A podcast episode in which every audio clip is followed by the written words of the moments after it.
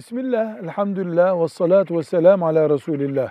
Peygamber Efendimiz sallallahu aleyhi ve sellem iki şeyde insanlar aldanmışlardır buyuruyor. Boş vakit ve sağlık. Bu demek ki Müslümanların bu iki şey üzerinde yoğunlaşmış bir hayatları olması gerekiyor. Kaybedilmeden değeri anlaşılmıyor. Sağlık ve boş vakit. Müslümanlar artı ve eksilerini, ahirete yönelik yatırımlarını, dünyadaki kaliteli çalışmalarını da bu standarttan ayarlayabilirler.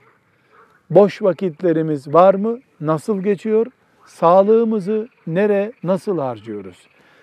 Bu hadisi şerifin bize anlattığı şey elden gitmeden bunları kıymetini bilir nimet olarak tutmaktır. Velhamdülillahi Rabbil Alemin.